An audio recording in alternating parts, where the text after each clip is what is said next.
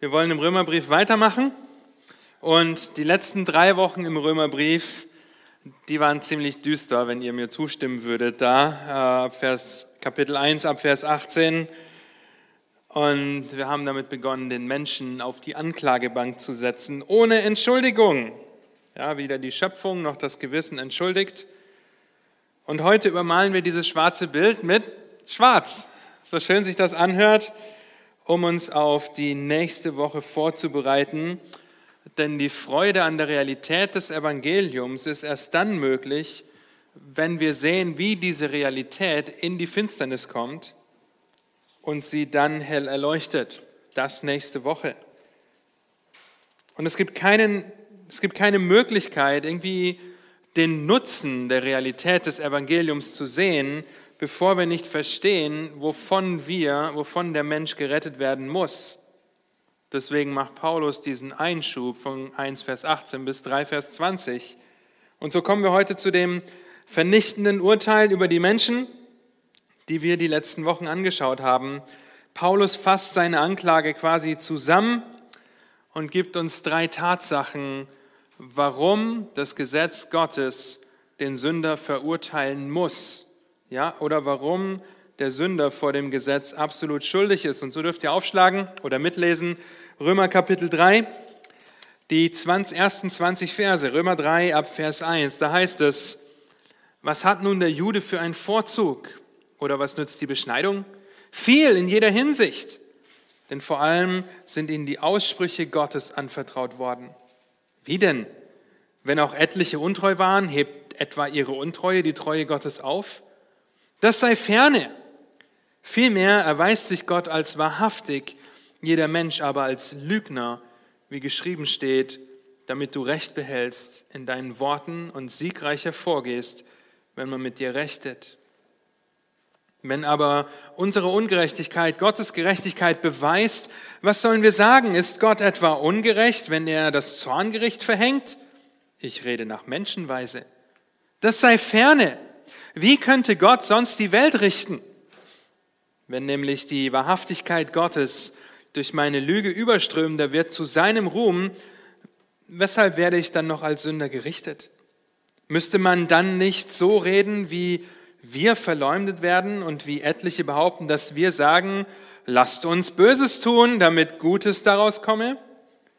Ihre Verurteilung ist gerecht. Wie nun? Haben wir etwas voraus? Ganz und gar nicht. Denn wir haben ja vorhin sowohl Juden als auch Griechen beschuldigt, dass sie alle unter der Sünde sind. Wie geschrieben steht, es ist keiner gerecht, auch nicht einer. Es ist keiner, der verständig ist, der nach Gott fragt. Sie sind alle abgewichen, sie taugen alle zusammen nichts. Da ist keiner, der Gutes tut, da ist auch nicht einer. Ihre Kehle ist ein offenes Grab, mit ihren Zungen betrügen sie, Otterngift unter ihren Lippen, ihr Mund ist voll Fluchen und Bitterkeit, ihre Füße eilen, um Blut zu vergießen. Verwüstung und Elend bezeichnen ihre Bahn und den Weg des Friedens kennen sie nicht. Es ist keine Gottesfurcht vor ihren Augen. Wir wissen aber, dass das Gesetz alles, was es spricht, zu denen sagt, die unter dem Gesetz sind, damit jeder Mund verstopft werde und alle Welt vor Gott schuldig sei, weil aus Werken des Gesetzes kein Fleisch vor ihm gerechtfertigt werden kann. Denn durch das Gesetz kommt Erkenntnis der Sünde. Soweit Gottes Wort. Lass mich noch beten, bevor wir in diese Verse einsteigen. Herr, habt du Dank, dass du uns dein Wort gibst, vor Augen hältst und aufzeigst, dass der Mensch durch das Gesetz oder vor dem Gesetz absolut schuldig steht und so bete ich, dass du uns ermutigst, ermahnst, herausforderst, dass wir sehen und lernen dürfen, was das mit uns zu tun hat. Gib du Gnade zum Reden und zum Hören. Amen. Zunächst stellen wir fest, dass Paulus fest davon überzeugt ist, dass das Gesetz verurteilen muss. Tatsächlich fangen wir heute mit Versen 19 und 20 an. Okay, mit den letzten beiden Versen, weil es das zweite Mal ist, dass Paulus sagt, wir wissen aber, quasi als, okay, warum schreibe ich das alles? Weil wir wissen, dass das Gesetz verurteilt. Wir wissen aber, es ist die feste Überzeugung, an der nichts zu rütteln ist, weil Gott es so festgelegt hat. Paulus ist davon überzeugt, dass der Sünder absolut schuldig sein muss.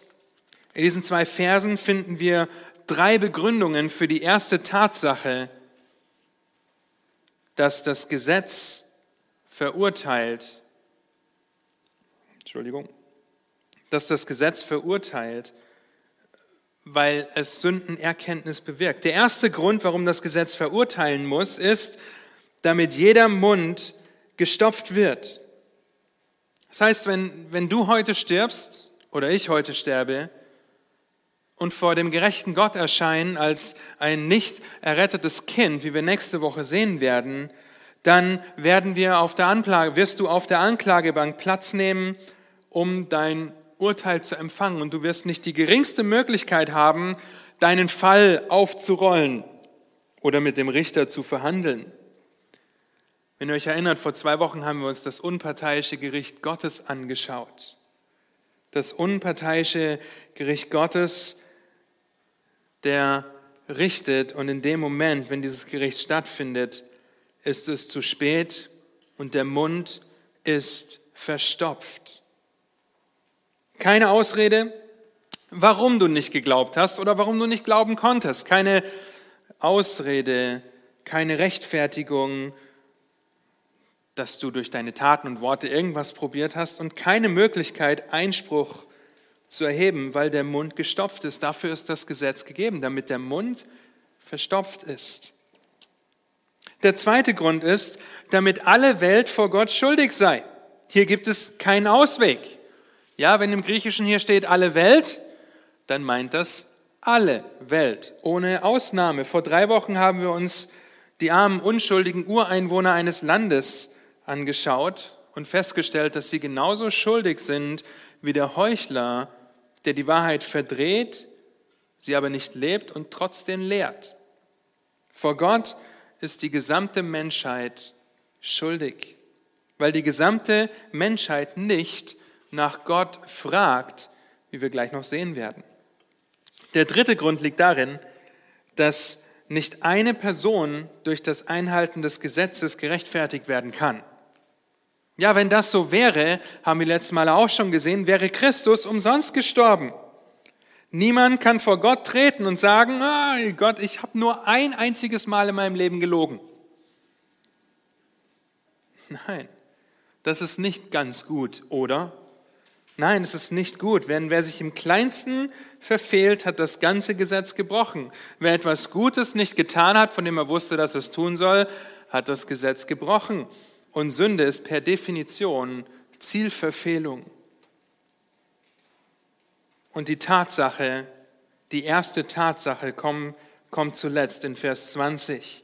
Das Gesetz muss verurteilen, weil es Sündenerkenntnis bewirkt nicht Sündenbekenntnis. Okay, das ist wichtig, dass ihr das nicht verwechselt, sondern Sündenerkenntnis. Wer auch immer das Gesetz oder nur diesen Abschnitt von 1 Vers 18 bis 3 Vers 20 aufrichtig liest, erkennt, dass er absolut unfähig ist, vor Gott zu bestehen, weil er das Gesetz nicht einhalten kann. Das kann auch ein Ungläubiger erkennen, wenn er das liest. Erkennen, führt aber noch nicht zum Bekennen und zum Buße tun. Das Gesetz hält uns die Sünde vor Augen, aber es rechtfertigt nicht. Und je dunkler die Nacht, desto heller leuchten die Sterne. Und viel dunkler als unser Abschnitt kann es nicht werden. Und wer auch immer diesen Abschnitt liest, den wir heute zum Abschluss bringen, muss zustimmen, dass vor dem lebendigen, gerechten, zornigen Gott niemand gerecht sein kann, weil alle Gottes Maßstab verfehlt haben. Somit muss das Gesetz den Sünder verurteilen, weil es Sündenerkenntnis bewirkt. Paulus macht das deutlich. Ja, und es ist, sein, es ist in seiner Argumentation des Evangeliums unabdingbar, den Menschen so aufzuzeigen, absolut verdorben, absolut verloren, absolut unfähig Denn wie ist es sonst möglich, dass jemand fragt, was dann? Wenn er nicht weiß, dass er gegen den Maßstab eines heiligen, gerechten Gottes verstößt. Wie ist es möglich, dass jemand sehen will, wenn er gar nicht weiß, dass er blind ist? Aber Gottes Wort überführt ihn. Wir müssen erkennen, dass wir gegen einen heiligen Gott gesündigt haben, damit seine Gnade strahlen kann. Und wenn der Mensch nicht weiß, dass er ein Sünder ist, woher soll er wissen, dass er einen Retter braucht? Ja, Paulus hätte 1 Vers 18 bis 3 Vers 20 einfach ausklammern können und direkt zum Evangelium überleiten können ab Vers 21. Nein, Paulus kommt zu dem Schluss, dass das Evangelium Gottes den Sünder verdammt, verurteilt und letztendlich völlig vernichtet, wenn der Sünder nicht von Gott gezogen durch eine externe Quelle gerecht gesprochen wird. Dazu dürft ihr nächste Woche wiederkommen, wieder einschalten, um zu lernen, was es mit diesen bis jetzt am schönsten klingenden Worten des Römerbriefes jetzt aber in Vers 21 auf sich hat. Ja, die Überzeugung von Paulus ist also, dass das Gesetz verurteilen muss, weil es Sündenerkenntnis bewirkt. Aber zurück zu Vers 1. Paulus erwartet einige Gegenfragen seiner Leser. Ja, mit den Versen 1 bis 8 geht er auf Fragen ein, die kommen könnten, die sich daraus ergeben haben aus dem, was wir letzte Woche betrachtet haben. Und so entkräftigt er jedes Argument, dass der Gesetzgeber aus irgendeinem Grund nicht gerecht sei. Ja, vier Fragen werden hier beantwortet, die aufzeigen, dass das Gesetz zweitens verurteilen muss, weil der Gesetzgeber absolut gerecht ist. In den ersten beiden Versen spricht Paulus an, was er in Kapitel 2 scheinbar zunichte gemacht hat, dem Buchstaben und die Beschneidung. Ist das ein Vorteil für die Juden? Was sagt der Text? Auf jeden Fall. Ja, viel Vorteil. Gott hat sich auf eine besondere Art und Weise seinem auserwählten Volk geoffenbart.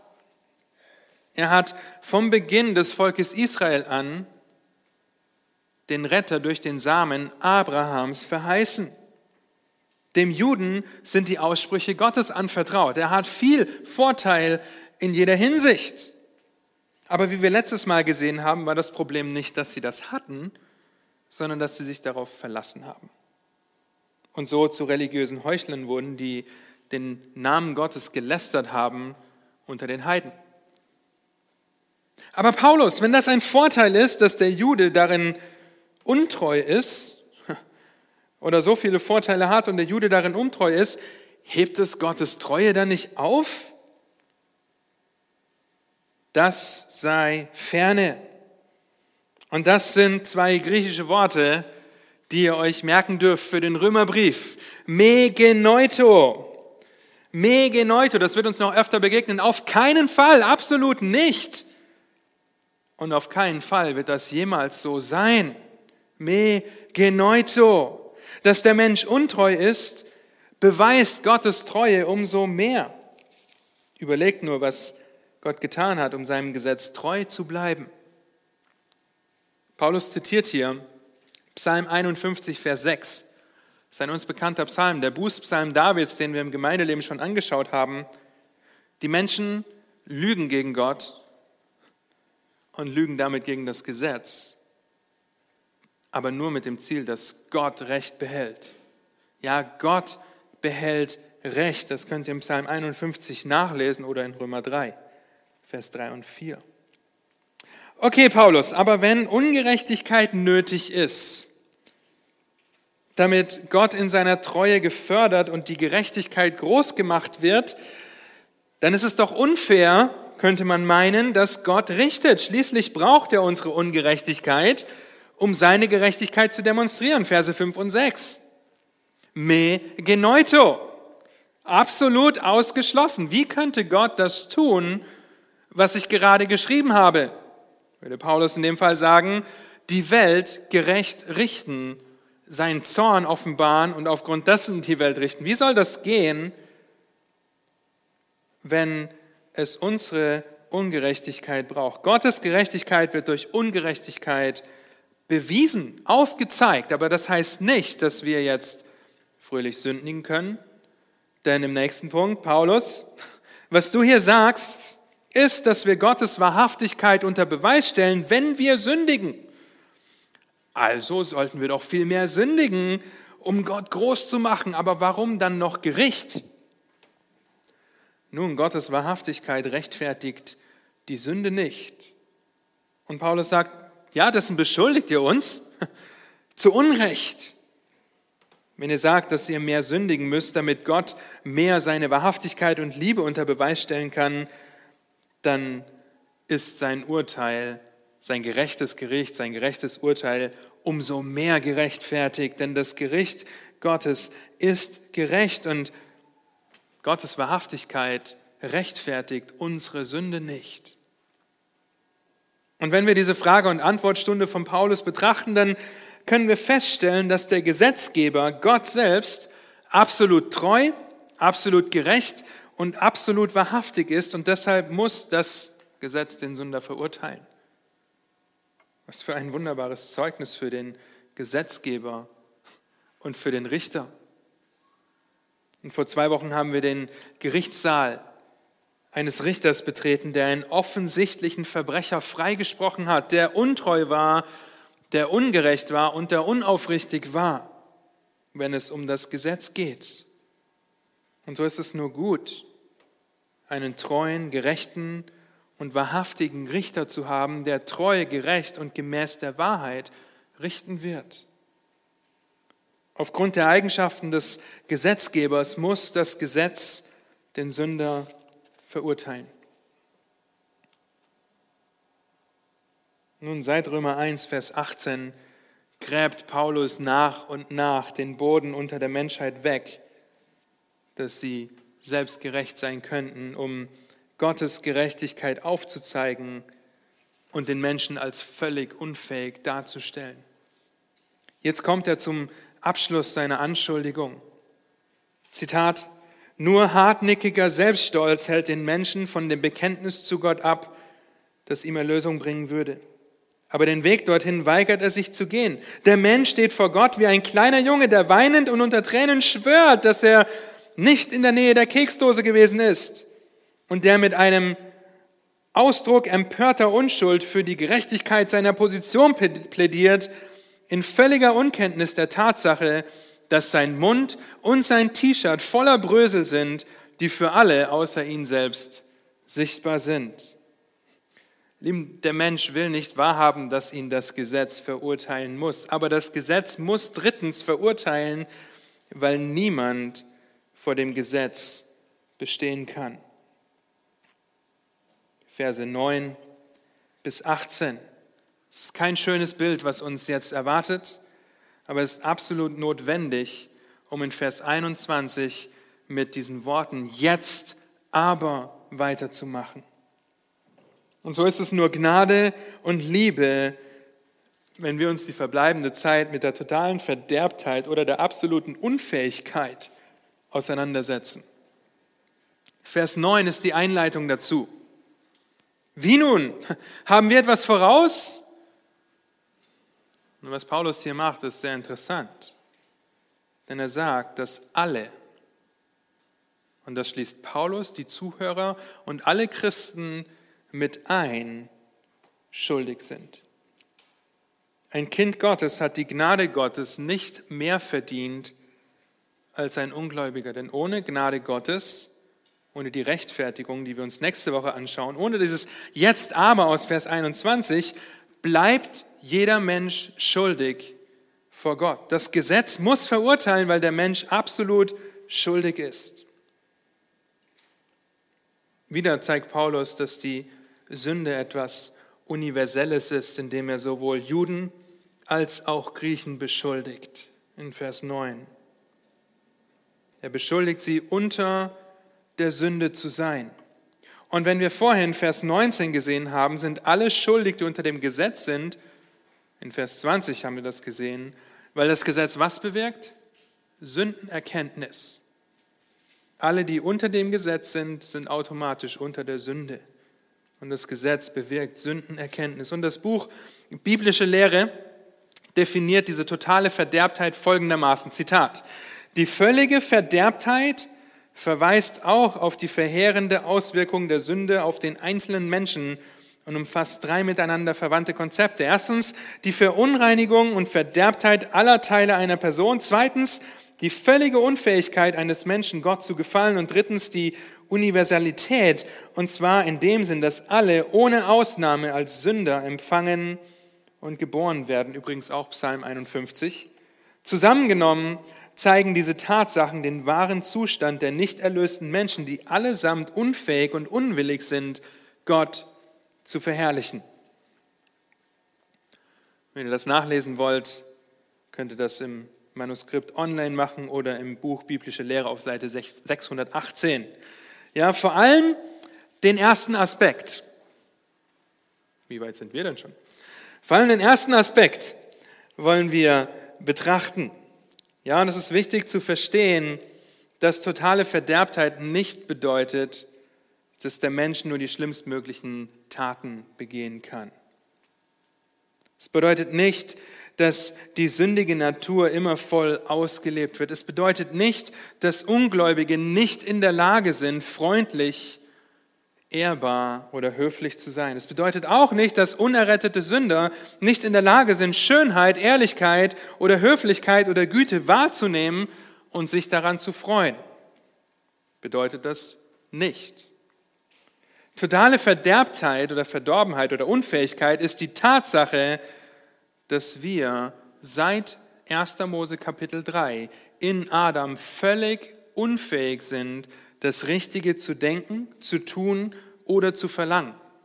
Ja, totale Verderbtheit nimmt den gesamten Menschen ein. Herz, Gedanken, Persönlichkeit, Emotionen, Gewissen, Motive und den Willen. Es gibt nichts Gutes in ihm, das ihn dazu bewegt, nach Gott zu fragen. Geschweige denn, sich für ihn zu entscheiden oder etwas zu erwirken, was Gott zufriedenstellt. Erinnert euch an die Predigt von Daniel zu 1. Mose 5, Vers 1 bis 6, Vers 8, dass das Herz alle Zeit nur böse war, aber das nicht nur im Totschlag und so weiter geendet hat, sondern dass es Menschen gab, die Händler waren, die reich waren und so weiter. Ihr lieben, unerrettete Sünder sind absolut unfähig, den Gott der Bibel zu lieben unfähig, Gott zufriedenzustellen oder nach ihm zu suchen. Und Paulus obduziert den geistlichen Menschen anhand, alttestamentlicher Zitate. Ja, und der Ausdruck, der dafür gebraucht wird, das ist eine rabbinische Tradition, die quasi Argumente aus dem Alten Testament aneinanderreiht, um einen Punkt zu machen, der dann wie eine Kette ist. Ja, wie eine Perlenkette, wo die Perlen aufgefädelt werden. Und genau das macht Paulus hier. Er zeigt aus dem Alten Testament auf, der Mensch ist absolut verdorben. Und er wird zu dem Schluss kommen, dass der Mensch absolut schuldig ist. Wenn der Mensch meint, seine eigene Gerechtigkeit zu erwirken, weil er meint, so gerecht vor Gott dazustehen, und jetzt sind wir bei der absolut verderbten Moral, dann ist das vergleichbar mit einem Gefängnis. Und im Gefängnis gab es irgendwann einen pfiffigen Geschäftsgauner, der sich im Gefängnis ein Vermögen von 1,5 Millionen verdient hat. Nach seiner Entlassung geht er voller Stolz zur Bank und am Kundenschalter sagt er, ich möchte gerne ein Konto mit 1,5 Millionen eröffnen. Wer will das nicht von uns?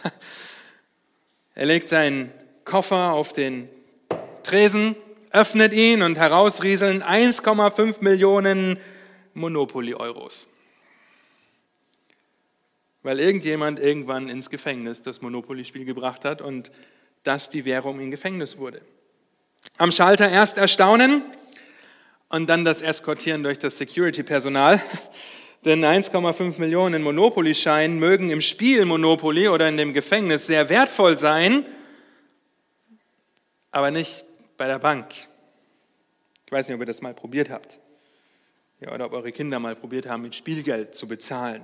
Das funktioniert nicht bei der Bank. Nun, das Gefängnis ist das Leben. Die Bank ist der Thronsaal Gottes. Der Mensch meint, seine eigene Gerechtigkeit zu erwirken und ist auch noch stolz darauf. seine gesamte Moral ist verdorben. Da ist keiner gerecht, auch nicht einer. Paulus zitiert hier Psalm 53, Vers 4 und Prediger 7, Vers 20, wo es heißt, dass keiner Gutes tut. Und Paulus ändert hier das Gute in Gerechtigkeit, um seine Argumentation, die er in Kapitel 1, Vers 17 begonnen hat, die Gerechtigkeit, die von Gott kommt, zu begründen. Aber die Frage ist hier nicht, ob Paulus jetzt die Schrift verändert hat, sondern was unsere Definition von gut und gerecht ist. Keiner ist gerecht oder gut nach Gottes Maßstab. Der gerechteste Mensch ist absolut unfähig, gerecht vor Gott zu stehen, weil seine Moral unfähig ist, nach Gottes Gerechtigkeit zu streben. Deine 1,5 Millionen Monopoly-Euros werden dir rein gar nichts bringen. Weiter ist der gesamte Verstand, die gesamte Logik gefallen. Es ist keiner verständig.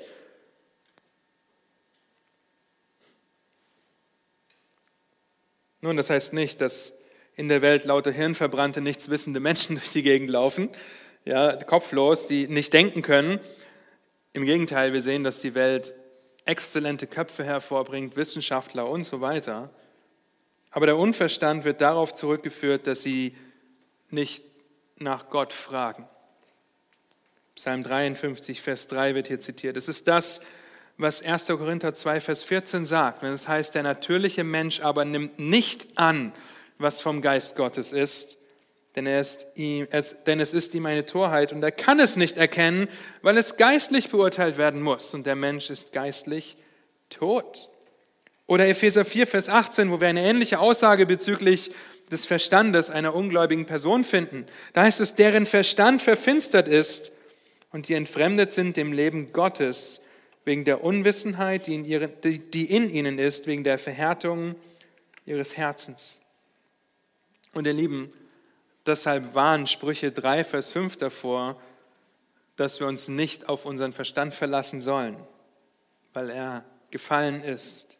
Oder Sprüche 21, Vers 30 macht deutlich, dass gegen den gerechten Gott kein Verstand etwas hilft. Und wenn der Verstand verfinstert ist, dann logischerweise kann der Ungläubige nicht nach Gott fragen, weil er geistlich bankrott ist. Das heißt, sein Wille wird sich niemals dazu entscheiden, nach Gott zu fragen. Und Gemeindebewegungen, die eine große Show abziehen, weil sie meinen, die Suchenden erreichen zu müssen, ja, die Seeker-Oriented Church, die werden die Suchenden nicht erreichen. Wisst ihr warum nicht? Weil es die Suchenden nicht gibt. Laut Bibel fragt keiner nach Gott. Es gibt die Suchenden nicht. Sie erreichen vielleicht religiös-moralische Menschen, die Heuchler sind, aber sie erreichen nicht die Leute, die Gott suchen. Keiner fragt nach Gott. Der Wille ist absolut verfinstert, unfähig und verderbt, wenn es um die Angelegenheiten Gottes geht. Aber da ist ein junger Mann, der sagt, aber, aber, aber Sam, kannst du doch nicht sagen, ich suche Gott doch, ich gehe von Gemeinde zu Gemeinde, aber irgendwie kann man Gott in den Gemeinden, die ich besucht habe, nicht finden. Nun, im Gespräch stellt sich heraus, dass das Problem ist, dass dieser junge Mann Gott nicht sucht, denn jedes Mal, wenn Gott sich ihm durch sein Wort naht, flieht er vor Gott, weil es ungemütlich wird. Er tarnt seine Unfähigkeit mit religiösen Versuchen, nur um sich noch weiter von Gott zu entfernen. Oder da ist dein Arbeitskollege, der Krebs diagnostiziert bekommt und auf einmal anfängt zu beten. Plötzlich anfängt zu beten. Warum? Weil das Gewissen ihm bezeugt, dass es Gott gibt. Ja, und dann fängt er an zu beten und nach zwei, drei Wochen redest du wieder mit ihm, du freust dich, dass er betet. Und dann sagt er, aber das bringt nichts. Das bringt absolut nichts. Das ist der andere Arbeitskollege. Aber dieser Arbeitskollege, der Krebs hat, der sucht nicht nach Gott. Er will einfach nur was haben von Gott. Da ist der nächste Arbeitskollege, der dir sagt, er hat die Bibel schon durchgelesen. Von A bis Z. Ja, ich kenne das. Ähm, ich hatte vor vielen, vielen Jahren einen Arbeitskollegen, der konnte mir das Evangelium fast besser erklären als ich selbst. Aber auf die Frage hin, okay, glaubst du das, sagt er einfach nur nein. Er kann es dir intellektuell erklären, aber er glaubt es nicht. weil kein Mensch nach Gott fragt. Aber sie wenden sich doch an Gott. Ja, aber um etwas von ihm zu bekommen, ihn als Wunschautomat zu behandeln, wenn es gerade praktisch ist, aber nicht um eine ernsthafte, intensive Beziehung, Gemeinschaft mit ihm zu haben, die das Herz auf schmerzhafte Weise verändern wird. Aber das kann nur geschehen, wenn Gott zieht, wenn Gott überführt, wenn Gott rettet und wenn Gott uns dann erzieht. Moral, Verstand und Wille sind unfähig, Gott zu suchen, Gott zu ehren, vor Gott gerecht dazustehen. Wenn das der Fall ist, dann ist die Nachfolge in Anführungsstrichen ebenfalls völlig verdorben.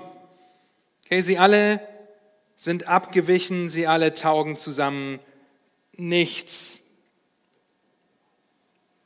Die Nachfolge ist völlig verdorben, weil der Mensch seiner von Gott erdachten Absicht, als Botschafter zu fungieren und Gott auf dieser Erde zu repräsentieren, nicht nachkommen kann.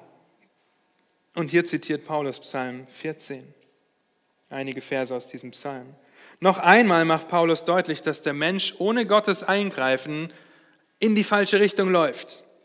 Ja, das erinnert an Jesaja 53, Vers 6, wo es um Schafe geht, die in die Irre gehen. Jeder auf seinem eigenen Weg. Ihr Lieben, wenn Gott, äh, wenn der Mensch ohne Gott immer in die Irre geht, dann verfehlt der Mensch ohne Gott immer den Sinn seines Lebens und er taugt nichts. Er ist zu nichts Nütze, weil er absolut unfähig ist, Gott nachzufolgen. Weil er weder über Gott nachdenkt, noch nach ihm fragt, weil sein Sinn für Gerechtigkeit oder Moral absolut unfähig ist, sich nach Gott auszustrecken. Als nächstes sehen wir, dass keiner da ist, der Gutes tut. Auch nicht einer. Und wenn wir diese Verse anschauen, dann sollte ziemlich schnell klar sein, was Paulus hier meint. Wenn er keiner sagt, wenn er alle sagt, wenn er nicht einer sagt, alle sind schuldig vor Gott, okay? Keiner, der Gutes tut. Der Mensch ist in seiner Absicht total verdorben. Aber, aber Sam, in, in Kapitel 2, Vers 15 spricht Paulus doch davon, dass das Gewissen dem Menschen das Gesetz bezeugt. Wie kann das sein? Du siehst doch, dass die Absicht nicht verdorben sein kann, weil das Gewissen Gott bezeugt. Nun, aber auch das Gewissen ist von 1. Mose 3 beeinflusst. Und wir lesen in Gottes Wort, dass das Gewissen schwach ist, dass es befleckt werden kann, gebrandmarkt ist und dass es böse sein kann. Hebräer 10, Vers 22. Der Mensch, der nicht nach Gott fragt, fragt nicht nach Gottes Definition von gut. Deswegen ist keiner da, der Gutes tut. Nur Gott allein ist gut. Erinnert euch an den reichen Jüngling. Und jede noch so noble Absicht wird niemals an Gottes Definition von gut heranreichen. Deshalb ist der Mensch auch egal, wie gut er ist, wie sehr er sich anstrengt, wie philanthropisch er auch sein mag, ja, dass er den äh, Charities, was ist auf Deutsch, ähm, den Charity-Organisationen gibt, den gemeinnützigen Organisationen gibt ähm, und Kinder in Afrika satt macht, was, was eine gute Sache ist, aber das macht ihn und stellt ihn unfähig vor Gott nach wie vor dar, weil er nicht nach Gottes Definition fragt von gut, sondern nach seiner eigenen. Er versucht selber gut zu sein. Aber es gibt niemanden, der gut ist in Gottes Augen. 1. Mose 6, Vers 5. Keiner ist gut, auch nicht einer. Und die Frage, die, die du dir stellen musst, die ich mir stellen muss, ist, welcher Definition von gut glauben wir? Welcher Definition von gut glauben wir? Ist es deine Beobachtung, deine Erfahrung, dein Gefühl, weil dir irgendjemand irgendwann etwas Gutes getan hat, der ungläubig ist? Dann freue ich mich für dich. Auf jeden Fall. Wir können uns darüber freuen, wenn uns Gutes getan wird. Aber wenn deine Definition von gut davon abhängig ist, dann bist du auf dem Holzweg. Denn der beste Mensch wird niemals gut genug sein, um fähig vor Gott dazustehen.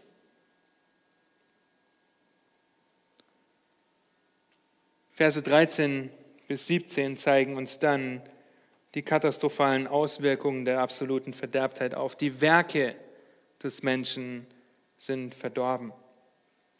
In der schlimmsten Form ausgelebt? Nein. Okay, aber durch und durch verdorben.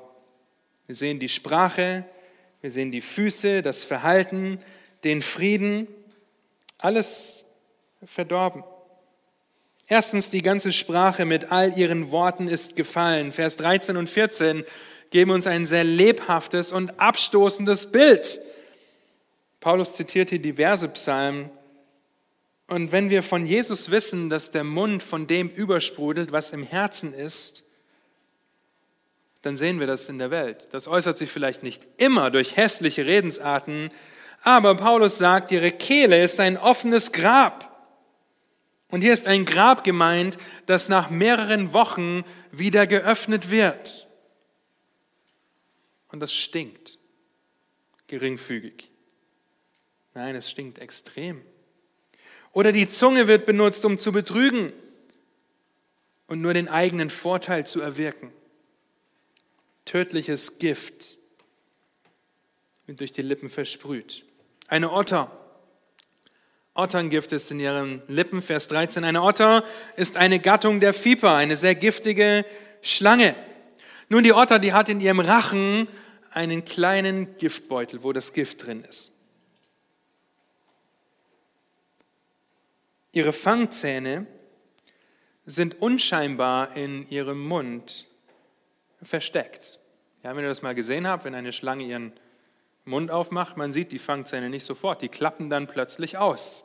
Ist nicht wie einem Löwen, wo man sofort sieht, okay, der hat scharfe Zähne, sondern man sieht die nicht sofort. Bei Bedarf werden diese Fangzähne ausgeklappt und während die Otter zubeißt, wird Druck auf diesen Giftbeutel ausgeübt. Durch diesen Druck fließt das Gift durch die Fangzähne in das Tier, worauf das Tier nach kurzer Zeit stirbt. Worte können so sein, oder? Worte können sein wie Gift. Sie können zerstören, sie können Menschen in die Verzweiflung treiben. Auf der anderen Seite könnten sie aufbauen. Worte können sein wie Otterngift, wie Gift, wie ein offenes Grab, auch unter uns Gläubigen, weil wir in dieser Anklage genauso inbegriffen sind wie jeder andere Mensch auch.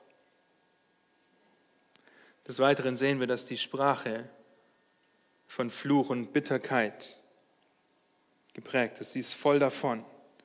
Die Welt ist voll davon.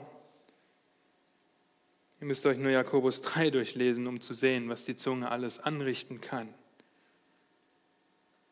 Die Sprache, die Worte sind gefallen. Zweitens sind die Füße gefallen. Die Füße eilen, um Blut zu vergießen. Verse 5 bis, 15 bis 17 zitiert Jesaja 59, Vers 7 und 8. Das, was Ungläubige wollen, ist Blut vergießen. Sagst du dir aber, das stimmt gar nicht. Ich arbeite mit Ungläubigen zusammen und bis jetzt ist noch keiner gestorben, weil sie gegenseitig Köpfe anschlagen. Nun, sie fragen nicht nach den von Gott als gut definierten Dingen. Ja, und weil sie nicht nach Gott fragen, sind sie absolut verfinstert und wir erinnern uns, fangen an, den Schöpfer zu vertauschen und die Schöpfung anstelle des Schöpfers zu setzen und werden versuchen, durch ihre Taten immer ihren eigenen Vorteil zu erwirken. Wenn das bedeutet, einen anderen Arbeitskollegen schlecht zu machen, um selbst die Beförderung zu kriegen, dann schleime ich mich bei meinem Chef ein und läster über den anderen Kollegen. Ja, wenn das bedeutet, etwas zu stehlen, weil ich mich dadurch bereichern kann, ob bei der Steuer, ob bei der Arbeit, wo auch immer, dann mache ich das. Wortwörtlich vergieße ich damit kein Blut. Aber Fakt ist, dass sie sich alles vornehmen, was nötig ist, um dieses Ziel zu erreichen. Drittens, ist das gesamte Verhalten verfallen. Verwüstung und Elend bezeichnen ihre Bahn. Und dieser eine Vers, der fasst die Geschichte seit dem Sündenfall so gut zusammen, oder nicht? Tod fängt bei Kain und Abel an, dass sie sich gegenseitig erschlagen. Kriege, Verwüstung, Elend, ob das das Elend einer ganzen Nation ist oder einer einzelnen Person, es zieht sich durch. Verwüstung und Elend bezeichnen ihre Bahn. Nun, nicht jeder lebt das voll aus. Nicht jeder von uns oder jeder Ungläubige ist ein Hitler oder ein Kim Jong-un. Aber Macht, ihr Lieben, Macht offenbart den Charakter. Und so werden Verwüstung und Elend auch in Zukunft die Geschichten unserer Nachrichten und die Geschichten der einzelnen Leben in unserem Umfeld bestimmen. Verwüstung und Elend fängt da an, wo Gottes Wort verdreht wird, wo auf einmal Scheidung in Ordnung ist, wo auf einmal es völlig in Ordnung ist, seine Kinder anzuschreien und öffentlich, in der Öffentlichkeit, wo es auf einmal in Ordnung ist, unverheiratet zusammenzuleben, homosexuell zusammenzuleben. Es ist auf einmal in Ordnung, Verwüstung und Elend werden folgen. Das ist der Schritt, den Paulus hier deutlich macht. Viertens ist kein Frieden auf ihrem Weg. Warum? Sie kennen Weg, den Weg des Friedens nicht. Sie wollen ihn gar nicht kennen, weil wahrer Friede nur dann möglich ist, wenn Gott Friede mit uns macht. Und das wird Paulus in Römer Kapitel 5 noch weiter ausführen. Es ist unmöglich für den Ungläubigen, jemals echten Frieden zu erleben. Sie werden immer versuchen, diesen Frieden zu bekommen durch die Götzen, die sie anbeten, aber sie werden ihn niemals finden. Jesaja 59, Vers 8, da heißt es, den Weg des Friedens kennen sie nicht. Es ist kein Recht in ihren Spuren. Sie machen sich krumme Pfade. Keiner, der darauf geht, kennt den Frieden. Ihre Werke sind absolut unfähig, vor Gott irgendeinen Bestand zu haben. Und jetzt schnürt Paulus den Sack zu, zeigt auf, dass keine Gottesfurcht vor ihren Augen ist. Vers 18. Damit zitiert er Psalm 36, Vers 2. Ohne Gottesfurcht, ohne Gottesfurcht gibt es keine Möglichkeit, gut zu sein. Ohne Gottesfurcht gibt es keine Möglichkeit, verständig zu sein. Ohne Gottesfurcht gibt es keine Möglichkeit, auch nur annähernd gerecht zu sein. Ohne Gottesfurcht existiert keine Weisheit, kein Verständnis, weil der Mensch, und erinnert euch, wo wir herkommen, die Wahrheit ablehnt und unterdrückt, wie der Hydrant, der offen ist und du versuchst, ihn mit der Hand zuzuhalten, Römer 1, Vers 18. Deshalb ist er schuldig vor Gott. Es ist keine Gottesfurcht vor ihren Augen. Sprüche 9, Vers 10. Meine Frau und ich, wir lieben diesen Vers, das ist unser Trauvers. Die Furcht des Herrn ist der Anfang der Weisheit und die Erkenntnis des Heiligen ist Einsicht. Das heißt, was Paulus hier macht in Römer 3, ist im Endeffekt, er schnürt den Sack so zu, dass er einen Zirkelschluss zieht und man jetzt wieder von vorne anfangen könnte, weil wenn keine Gottesfurcht für den Augen ist, dann ist keiner gerecht, auch nicht einer.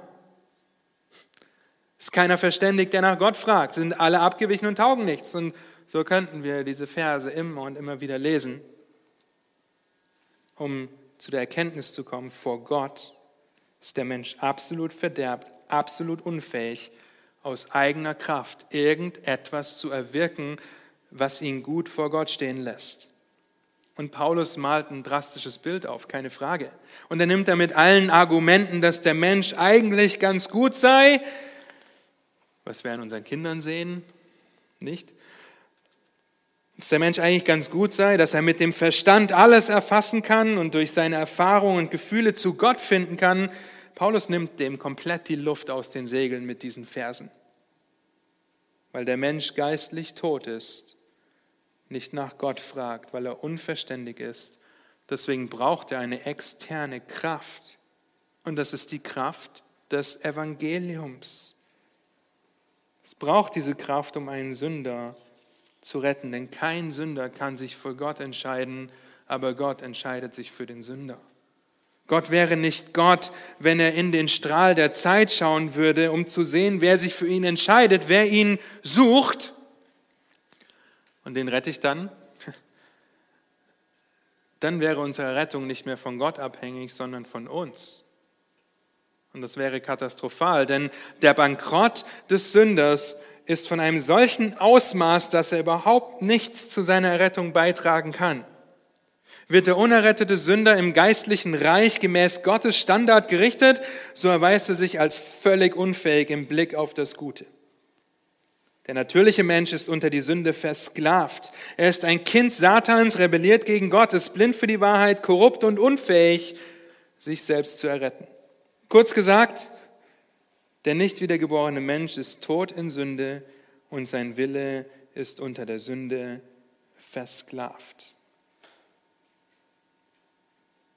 Ihr Lieben, wir müssen begreifen, dass wir da dazu zählen, wie Paulus in Vers 9 deutlich macht. Wir, wir haben das angeschuldigt, wir sind nicht besser. Paulus schließt sich mit ein, haben wir etwas voraus? Die Frage ist, wie oft sind wir Atheisten? Ungläubige leben ohne Gott, weil sie denken, dass Gott nicht existiert oder denken, dass Gott keine Macht hat, sie zu stoppen und Gott sich nicht wirklich kümmert. Ist Gott egal? Aber wie oft entscheiden wir uns als gläubige Kinder Gottes dafür, so zu leben, als ob wir uns um unsere Gerechtigkeit kümmern müssten, als ob wir alles in der Hand haben müssten, um gut dazustehen vor Gott. Und dabei Gott eigentlich völlig ausklammern. Begreifen wir, dass wir einzig und allein durch Gottes Gnade in Gottes Wort schauen, es verstehen und anwenden können? Nun, wie kann diese düstere Tatsache die Freude an der Realität des Evangeliums bewirken? Ich möchte euch einige Punkte geben. Erstens können wir nichts bringen. Wir können nichts aufweisen, nichts erwirken. Das sollte uns demütig machen, weil wir nicht so schlau oder verständig wären, dass wir nach Gott gefragt hätten. Ja, du hast nichts, was dir nicht von Gott gegeben wurde. Zweitens können wir uns über die Realität des Evangeliums freuen, weil Gott den Menschen perfekt kennt und sich trotzdem dazu entschieden hat, zu retten. Das ist faszinierend. Wenn ihr meine gesamten Motive kennen würdet, seit, meinem, seit meiner Geburt, wenn das hier aufgerollt wäre, ich bezweifle, dass ihr mich auf die Kanzel lassen würdet. Ja, aber Gott kennt mich perfekt, weiß ganz genau, der hat meinen Zorn verdient, er hat mein gerechtes Gericht verdient und trotzdem entscheidet er sich, Sam, mich zu retten. Drittens können wir zuversichtlich sein, weil wir wissen, dass unsere Errettung niemals von uns abhängig sein kann. Mit dem Wissen, dass Gott uns gerettet hat, können wir uns auch sicher sein, dass Gott sein Versprechen hält und dass uns laut Römer 8 nichts aus der Hand Gottes reißen kann. Wenn meine Errettung und der Zustand, mein geistlicher Zustand, errettet zu bleiben, von mir abhängig wäre, uh, Viertens, können wir Gott mit großer Dankbarkeit oder größerer Dankbarkeit und Freude preisen, weil wir erkennen, dass alles an unserer Errettung von ihm kommt, vom ersten bis zum letzten Fünkchen unserer Gerechtigkeit. Fünftens können wir uns dankbar mit den Lehren der Gnade beschäftigen, weil sie Gott groß machen und ihm die Ehre geben. Die absolute Verdorbenheit ist ein Teil dieser fünf großen Lehren. könnte noch ein sechstens hinzufügen. Wir können nächste Woche wiederkommen, um uns mit der Gerechtfertigung durch das Evangelium zu beschäftigen. Darauf warten wir alle seit vier Wochen. Aber ihr Lieben, unter dem Gesetz und unter der Sünde ist jeder Mensch absolut schuldig vor Gott. Weil das Gesetz Sündenerkenntnis bewirkt, weil der Gesetzgeber absolut gerecht ist und weil niemand schuldlos vor dem Gesetz steht. Möge Gott durch sein Wort, seine überführende Wahrheit, sein zweischneidiges Schwert durch unser Leben verherrlicht werden, indem er dich rettet, wenn du verloren bist und indem er dich heiligt, wenn du errettet bist. Ihm sei die Ehre in seiner Gemeinde. Amen. Amen. Lasst mich noch beten. Treuer Gott und Vater, habt du Dank für diese Anklage, die uns jeglichen Boden der Selbstgerechtigkeit, jeglichen Boden der eigenen Guthaftigkeit unter den Füßen wegreißt. Herr, der uns auf den Boden der Tatsachen zurückholt, dass kein Mensch jemals in der Lage gewesen wäre, in der Lage ist und in der Lage sein wird, nach dir zu fragen. Und so ist es umso erstaunlicher, dass wir hier sitzen, dein Wort betrachten und uns über die Realität deines Evangeliums freuen, weil du uns gezogen hast, weil du uns überführt hast, weil du uns gerettet hast und weil du derjenige bist, der uns erzieht, der uns in der Heiligung voranbringt. Und so bete ich, dass wir das nicht aus dem Auge verlieren in den kommenden Tagen, wenn wir darüber nachdenken, dass aus uns nichts Gutes kommt, sondern dass das alles von dir kommt. Hilf du uns darüber nachzudenken, das im Hinterkopf zu haben und auch darüber nachzudenken, was es bedeutet, gerechtfertigt zu sein. Und so gib du Gnade für diesen Abend.